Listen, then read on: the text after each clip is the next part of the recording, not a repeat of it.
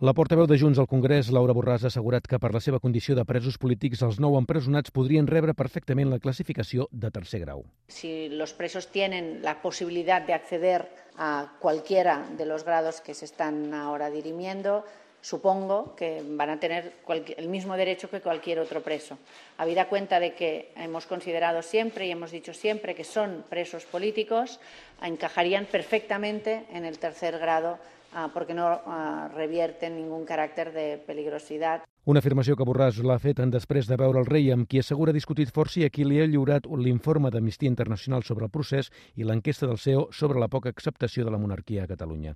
També després de veure Felip VI, el portaveu dels comuns al Congrés, Jaume Sens, s'ha referit a la classificació dels presos per recordar, segons ell, on són els límits de l'Estat. No puede intervenir en esa clasificación, es una competencia exclusiva de, de la Generalitat el Estado solo puede intervenir en su modalidad judicial, tanto el Tribunal Supremo como la Fiscalía recurriendo y eh, los juzgados de vigilancia penitenciaria de cada uno de los centros penitenciarios donde están ubicados los presos.